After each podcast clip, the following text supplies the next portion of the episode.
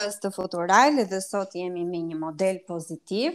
Uh, ju do ta njihni gjatë kohës së prezantimit të podcastit, po unë paraprakisht po ju them që për mua është modeli pozitiv që që më frymëzon gjithmonë. Dhe me ne në podcast është Elga Mitre, e cila uh, të cilën do ta njohim edhe do do ta prezantojmë punën dhe arritjet e saj.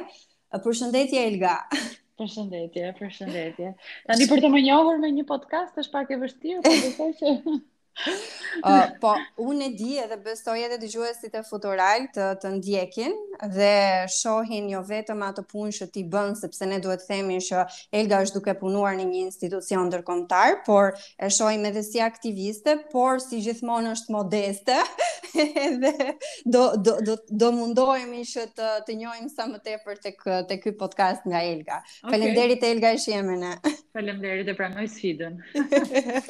Nuk e vendosja në dyshim. Elga, Uh, më fol pak për profesionin, uh, pse pse këto zgjedhje, uh, si është të punosh në një institucion ndërkombëtar, uh, unë e di që ke punuar me organizata, tashmë je aktiviste, uh, ku ku fle më mirë Elga? Ku ku është më mirë Elga? Okej, okay, Elga fle më mirë në shpi të vet, sigurisht.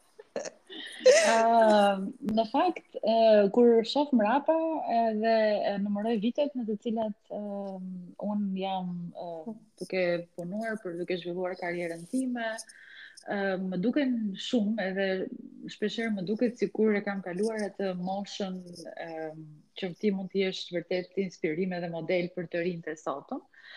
Megjithatë, për t'iu kthyer pak a shumë pyetjes që ju më bëtë, si është të punosh për një institucion ndërkombëtar, ose ndonjëherë janë rrethanat të cilat kombinohen bukur edhe shansi që ty të jepet dhe por ama ka të bëjë shumë edhe sa e përgatitur je ti për ta kapur këtë shans dhe më kujtohet që um, para 20 vjetësh para se unë të filloja të punoja për për punëdhënësin tim qysh atëherë unë isha gjithë kohës në kërkim të diçkaje, po njëkohësisht edhe duke, duke u përpjekur të zhvilloj aftësitë e mia.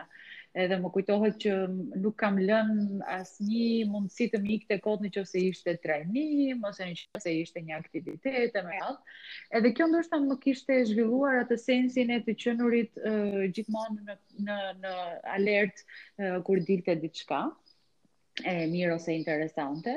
A keni um, një eksperiencë që e mban mend Elga gjatë kohës që ke qenë duke kërkuar edhe se gjithmonë është është ky problemi apo nuk e di sfida që ti shpeshherë gjen dyer të të mbyllen edhe të të vendoset në dyshim aftësia jote sepse ndoshta ky është ky është realiteti dhe pastaj ti përballesh me me diçka krejt tjetër. Um, po, më kujtohet, um, ndërsa në atë kohë ka qenë një, një realitet tjetër se bëhet fjalë për vitin 2001, edhe në, në vitin 2001 nuk kishte media sociale siç ka mhm. tani, mm. lajmërimet um, që bëheshin për punë ishin vetëm nëpërmjet gazetave.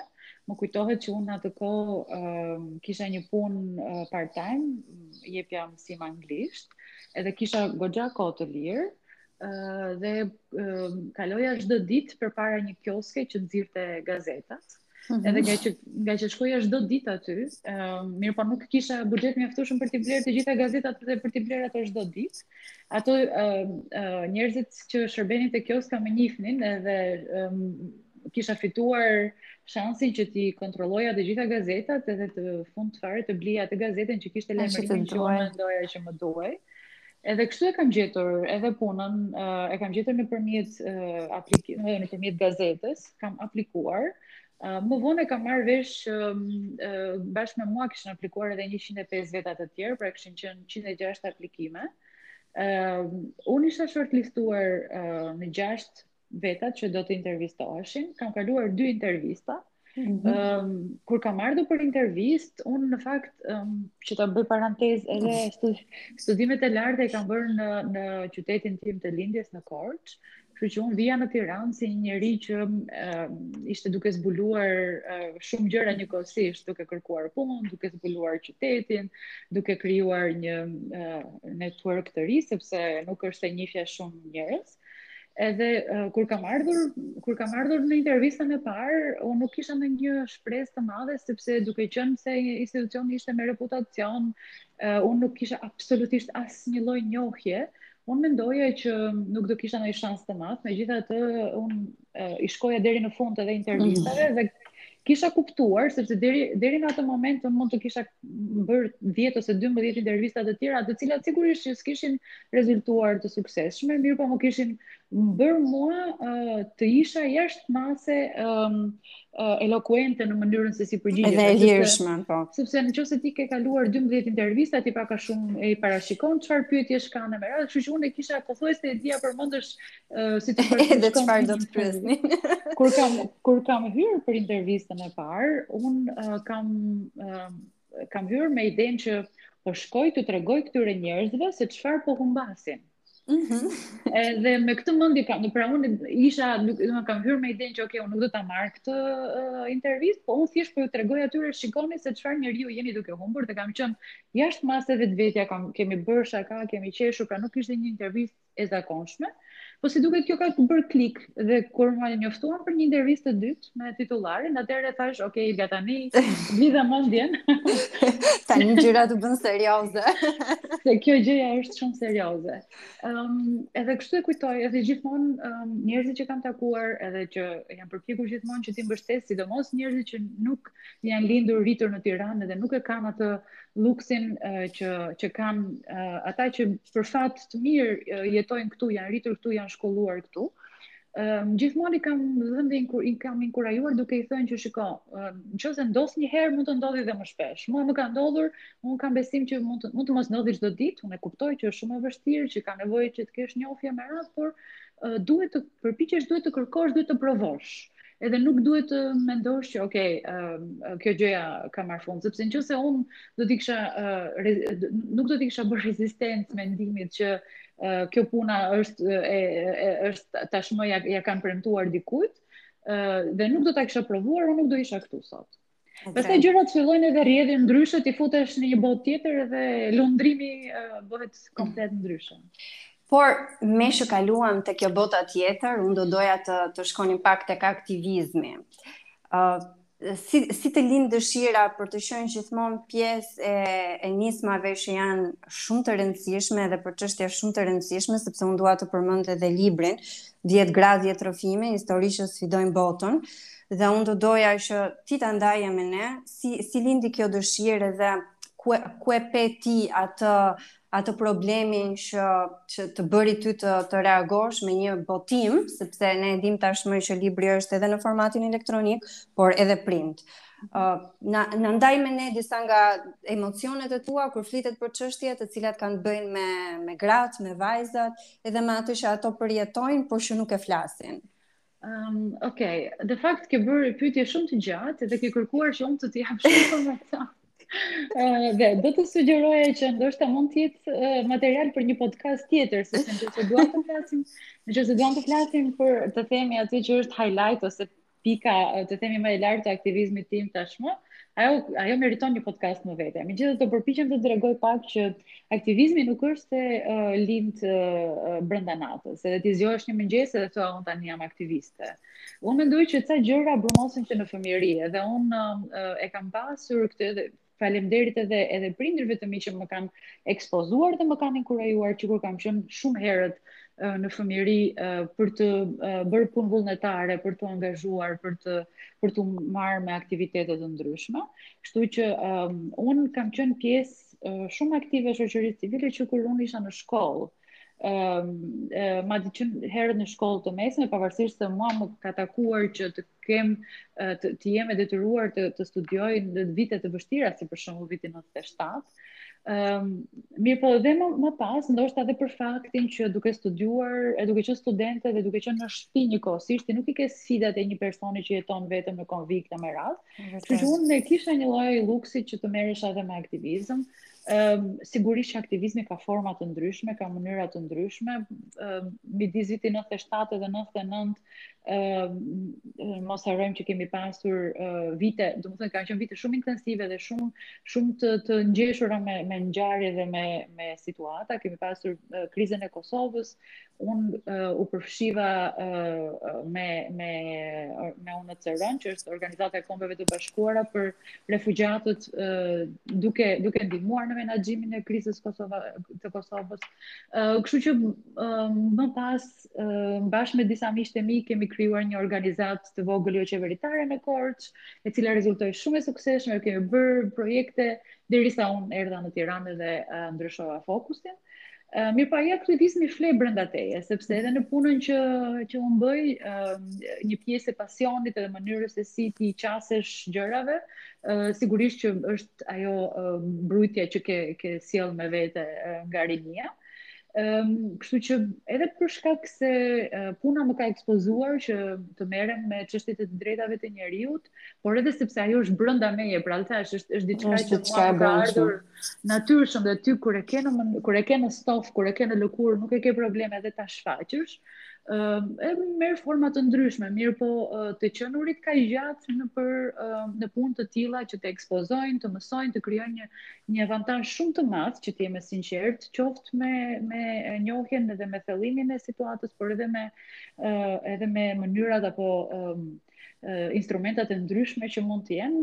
Unë pata këtë idenë e cila më nga më ngacmoi në fakt situata që u krijua përpara një viti me disa nga rastet që u mhm. bënë publike për uh, abuzimin e grave dhe vajzave, un nga natyra kam qenë gjithmonë um, një vajzë luftarake që ka dashur të ketë uh, të ketë të themi um, atë kërkesën e lartë për të pasur të drejta të barabarta me me një me një djalë ose me një mhm. burrë. Mm -hmm.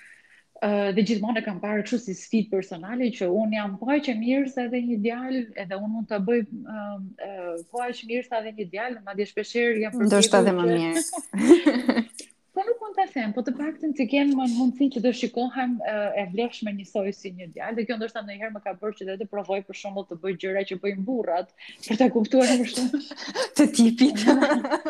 Ehm, për shembull më kujtohet, ehm, un un kam jetuar me motrën eh, për shumë vite përpara se të të krijoja familjen time. Eh, dhe eh, një ditë vendosëm që të lyenim shpinë. Dhe. Kështu që uh, u përpoqja të të bëja dhe bojaxhiun. Edhe rezultoi me sukses besoj. Tani nuk e di nëse. nuk e, në fakt nuk e, e mendova që mund ta vazhdoja si profesion, po um, gjithmonë është ajo ideja që një vajzë shumë delikate, nuk bën dot gjëra të tilla, ndërkohë që mund, jam rrekur, jam rrekur të bëj edhe gjëra të tilla, domethënë, edhe uh, për të treguar në mënyrë të vazhdueshme që domethënë nuk ka nuk ka ndarje tipike, po thjesht ka dëshirë të mirë, po. ka do pak kurajo me radhë. Po të, të kthehemi te aktivizmi edhe tek uh, libri. Uh, në fakt unë kur e nisa e nisa mm, për të qenë diçka uh, shumë e thjeshtë, thjesht doja që edhe unë të të, të kontribuoja për uh, kauzën për uh, për të uh, ngritur zërin për të drejtat e vajzave për të mos lejuar që uh, fenomene të tilla të mund të të të, të thellohen akoma dhe më shumë uh, sepse uh, është është e ditur që nuk është se uh, ndodhi dje apo ndodhi përpara një viti dhe uh, ne u çuditëm, këto janë fenomene të cilat janë bashkudhëtare të shoqërisë tonë, uh, rënjët i kanë të thella, i kanë tek problemet sociale, ekonomike apo edhe uh, kulturore që ne kemi, i kemi uh, të mbartura, uh, por kjo nuk do të thotë që ne nuk duhet të fillojmë të ndryshojmë. Kështu që unë mendova që mund të bëja atë pjesën time si një vajzë si një si një grua, si një bashkëshorte, si një shoqe, motër, uh, nënë, um, duke menduar që në qoftë se secili nga ne do bëj pak uh, nga vetja, mendoj që shumatorja do ishte shumë e bukur dhe shumë e mirë. Edhe kjo gjëja më ka udhëhequr gjithmonë, edhe ky optimizmi më mban akoma të angazhuar duke i parë gjërat në perspektivën pozitive dhe duke thënë, ok, unë po bëj atë çfarë uh, unë mundem sot, edhe nuk është se unë pretendoj që të ndryshoj botën, uh, po në qoftë se secili nga ne do mendonte kështu, ajo pak nga pak bëhet shumë edhe mundet të, të ndryshojë. Të ndryshojë, e vërtetë.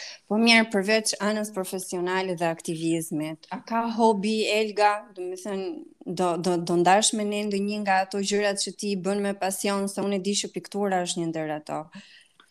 Um, unë shë, bëj shumë gjëra me pasion, kam bërë dy fëmijë me pasion. Ky nuk është hobi.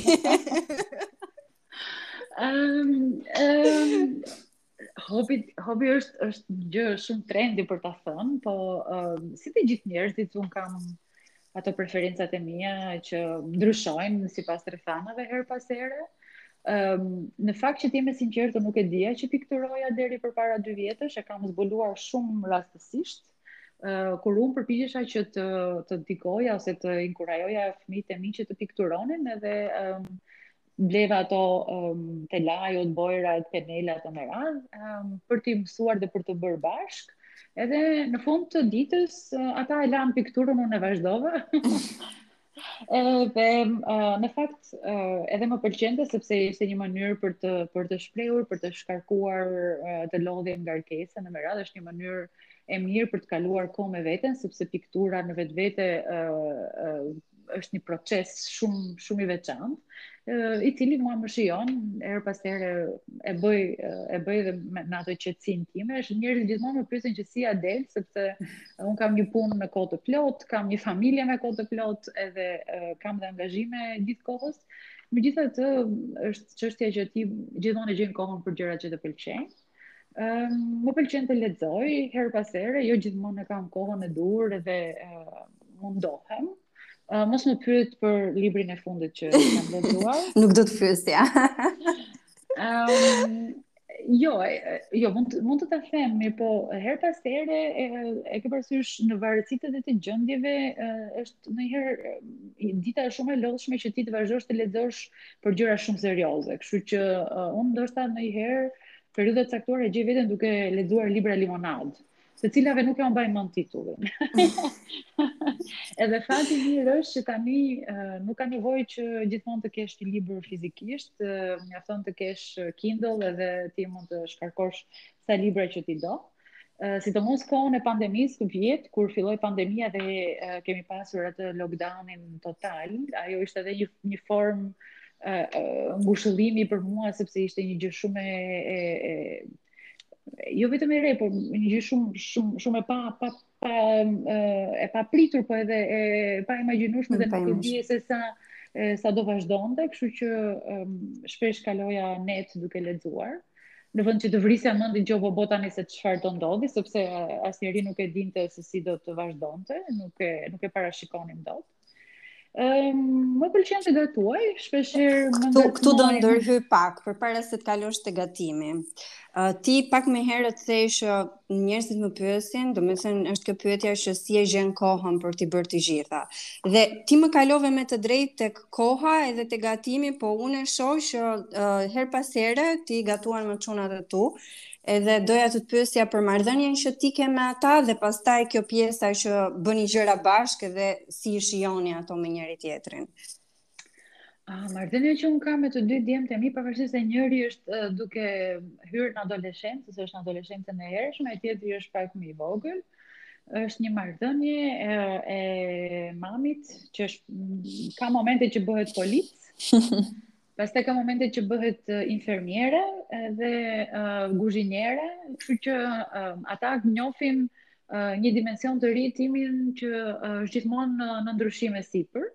Uh, shpeshherë ankohen që un ankohen që un jam shumë strikte, po besoj që në në familje gjithmonë ndahen role dhe dikush do ta bëj policin e keq, do ta bëj pat uh, oficerin e, e ushtrisë që kërkon uh, rregullin. Ndoshta ndoshta ndonjëherë dhe unë e kap veten që mbase jam një çik më strikte se duhet. Mm, po mundohem që her pas here të të toleroj. Ë uh, mirëpo kjo pjesa e të qenurit gjithmonë e pranishme, unë jam përpjekur gjithmonë që të jem uh, pjesë e, e ditës së tyre, pavarësisht impenjimeve me radhë. Është ë uh, është, domethënë është e vështirë, po nuk është e pamundur, kështu që shpesh herë për shembull fundjava uh, na gjen duke duke bërë gjëra që gjatë javës ndoshta nuk i kemi mundësitë. E, sidomos koha e pandemisë na e ka krijuar edhe këtë uh, luksin duke qenë se punoj nga shtëpia tani uh, jam më e qetë sepse kur ikin ata në mëngjes unë ja u kam bërë mëngjesin gati dhe i kam parë që uh, që të ikin për në shkollë, ndërkohë që më përpara ishim gjithë kohës duke vrapuar që të arrinim orarin e shkollës, kështu që mëngjesi ishte vrap vrap vrap vrap. Tani është pak më i rehatuar, sepse një pjesë të mirë të kohës unë punoj nga shtëpia, kështu që e kam atë luksin uh, që të mos uh, vrapoj për në punë. Um, ose kur vin ata nga shkolla që unë kisha ëndërr që të isha në shtëpi kur fëmijët vinin nga shkolla dhe ti të mund ti t'i pyesje me radhë uh, është pak a shumë uh, kjo gjëja që na e mundsoi kjo koha e pandemisë, uh, se jo çdo gjë ndodh për keq. Ëm, po për të bërë gjëra bashkë ka thash, domethënë unë shpesh herë prirem nga uh, nga ideja që në qoftë se ti do që fëmijët e tu të bëjnë një gjë, duhet ta bësh vetë ti e para. Ëh, mm -hmm. uh, kështu që nuk funksionon gjithmonë me urdhra që ti bëj këtë tani, edhe kështu ndodh edhe me pikturën, pra unë u mundova që uh, të ulesha dhe të pikturoja me ata, shpeshherë e bëjmë prap që të tre, nuk ndodh shumë shpesh sepse më duhet që mbasi të kem pikturuar atë, unë të filloj të të laj shpinë, në të bëhet shumë bëhet kalon një fazë tjetër. Po, fillon pikturohen edhe edhe gjëra që nuk duhen pikturuar përveç telajos. Ëm, po, ë, do të thënë ata kanë preferenca edhe për gatimin, edhe shpeshherë kanë dëshirë që të bëjmë gjëra bashkë, sigurisht gjëra që u pëlqejnë atyre më shumë ëmbëlsira, mm -hmm. akullore ose gjëra të ëmbla. Po kanë edhe gjëra për shembull që um, ata i kanë e kanë me qejf, edhe unë tani shpesh po përpiqem që ca gjëra të filloj t'i mësoj dhe t'i bëjnë vetë. Të bëjnë vetë. I angazhoj në në në aq sa mundem edhe aq sa mund t'i lejojë mosha në punë të shtëpisë, mundohem që t'u tregoj që në familje duhet të kontribuojnë të gjithë Japim besoj një model të mirë sepse uh, shpesh herë edhe edhe unë edhe bashkëshorti mundohemi që uh, të mos kemi ndarje puna e, gru, e gruas e puna e burrit. Kështu që ata shohin një model që uh, edhe babi bën një gjë që e bën mami, edhe uh, ata janë çuna, kështu që nuk ka rëndësi, domethënë nuk janë nuk janë punë gocash, pak a shumë. Po se gjithë fëmijët kanë ato uh, sfidat e veta. Kështu që Mundohet. Elga po, po nga Korça, çfarë ke marrë? Cilat janë ato um, gjërat që ke marrë si një një vajzë korçare gatimi? Ça ça të pëlqen ty të bësh tjetër? Uh, çfarë kam marrë nga Korça? Um, nga Korça uh, kam marrë reputacionin e mirë të korçarëve, edhe e kam përdorur, domethënë që edhe kam um, Më shpesh herë njerëzit kur nuk dinë çfarë komplimenti të të thonë, po a po ti je korçare. Korçare. Ehm, ndoshta kjo të qenurit si tash të jesh nga Korça nuk është ndonjë privilegj, është thjesht për shkak të ca tipareve që mund të jenë krijuar me kalimin e viteve, traditave me radhë, mund të kemi një kështu paragjykim për korçarët. Ëm, um, po është paragjykim po, pozitiv, kështu që nuk Po sido që të jetë është paragjykim, edhe uh, nuk mund të thuash që gjithë korçarët janë njësoj, edhe uh, nuk mund të thuash që gjithë korçarët janë njësoj. Um, mendoj që ndonjëherë për shembull uh, një disavantazh që unë e, e, e lidh me të qenurit korçar është kjo që të qenurit shumë serioz edhe shumë strikt, edhe uh, ku di unë domethënë me atë me atë të themi jo ftohtësinë, po me të, me të qenurit shumë kështu brenda një kuadrati të caktuar, ndërkohë që ë uh, ndoshta njerëz të tjerë që nuk kanë reagor që nuk e kanë pak nuk e kuptojnë. e kanë pak të më të thjeshtë ku di unë ndërveprimin, ndoshta është edhe kjo pak një lloj kështu të në formë të si qenurit i tërhequr ose ku di unë uh, je mirë me veten. Mm. Um, Kështu që mendoj që ok, unë unë jam shumë e kënaqur, besoj që po të kisha mundësi të zgjidhja prap në Korçë do kisha lindur, po. Ëh, e kam merituar ose në një farë mënyre gjërat që bëj shpeshherë e ke parasysh mundohem që t'i lidh me, me qytetin e lindjes, sepse uh, unë e ndjej që aty kam kaluar vitet më të mira, më të bukura dhe kam marrë shumë kam marrë nga nga nga të gjitha uh, nga të gjitha dimensionet, nga të gjitha uh, aspektet. Kështu që për mirë dhe për keq, unë jam korçare nuk e çbëj dot këtë gjë. dhe dhe shumë mirë që je. El, jemi pothuajse drejt fundit të podcastit dhe unë do doja që përpara se ta mbyllnim, ti të ndaje me ne një mesazh tëndin për të rinjtë që na dëgjojnë, për të gjitha vajzat, gratë, të cilat kanë nevojë për shtysa të vazhdueshme për të ecur përpara. Shiko, është shumë e thjeshtë për të dhënë mend. Është gjëja më e thjeshtë në botë, që të japësh mend dikujt është është shumë kollaj. Puna është ëm se si mund ta bësh dikë që të të të lëvizë nga vendi. Edhe uh, unë mundohem ta bëj këtë gjë nëpërmjet uh, disa mënyrash. Një nga ato mënyra është duke uh, treguar modelin, pra duke i thënë që unë ia kam dalë, unë ia kam dalë uh, të jem këtu ku jam, edhe pse nuk kam mbaruar një shkollë jashtë shtetit, edhe pse nuk kam studiuar në kryeqytet, edhe pse nuk kam lindur në kryeqytet, edhe pse nuk vij nga ndonjë familje aristokrate. Unë ia kam dalë dhe kam bërë atë të themi ciklin e jetës time duke u bazuar kryesisht tek forcat e mia, duke u bazuar tek mënyra sistematike e të punuarit dhe të ndërtuarit të, të marrëdhënieve dhe të jetës. Kështu që unë mendoj që secili ka mundësinë për të ndërtuar jetën e vet. Dhe kjo është absolutisht në dorën e gjithsecilit. Dhe unë nuk nuk pranoj që dikush të fillojë të ankohet, po unë nuk kam mundësi, po unë nuk kam të ardhura, po unë nuk kam njohje e me radhë. Uh, në qoftë se ti ke një dëshirë, në qoftë se ti ke një uh, ide të qartë për çfarë do që të bësh me jetën tënde, ti mund të arrish t'i gjesh gjërat. Nuk bëhen brenda natës, gjërat ndërtohen në mënyrë uh, shumë graduale, por e rëndësishme është që ti të kesh qëllimin përfundimtar, pra ti të kesh atë projektin uh, në kokë dhe pastaj çdo uh, gjë të, të ditës tënde e vë në funksion të saj. Dhe bëhet avash avash një një gur i vogël sot, një tullë nesër dhe kështu ndërtohen gjërat. Nuk ka gjë që arrihet uh, brenda natës. Uh, nuk ka gjë që arrihet edhe sikur do ta falin. Uh, ajo ndoshta nuk do të jetë uh, nuk do të japë ty kurrë kënaqësinë e diçkaje që je lodhur dhe e ke e ke uh, uh, bërë e ke ndërtuar vetë. Edhe këshilla ime tjetër që shpesh herë ndoshta mund të të ngjajë pak kështu si arrogante ose e e e fortë është uh, unë u them njerëzve ti nuk je një pemë dhe për sa kohë që ti nuk je një pemë ti duhet të lëvizësh.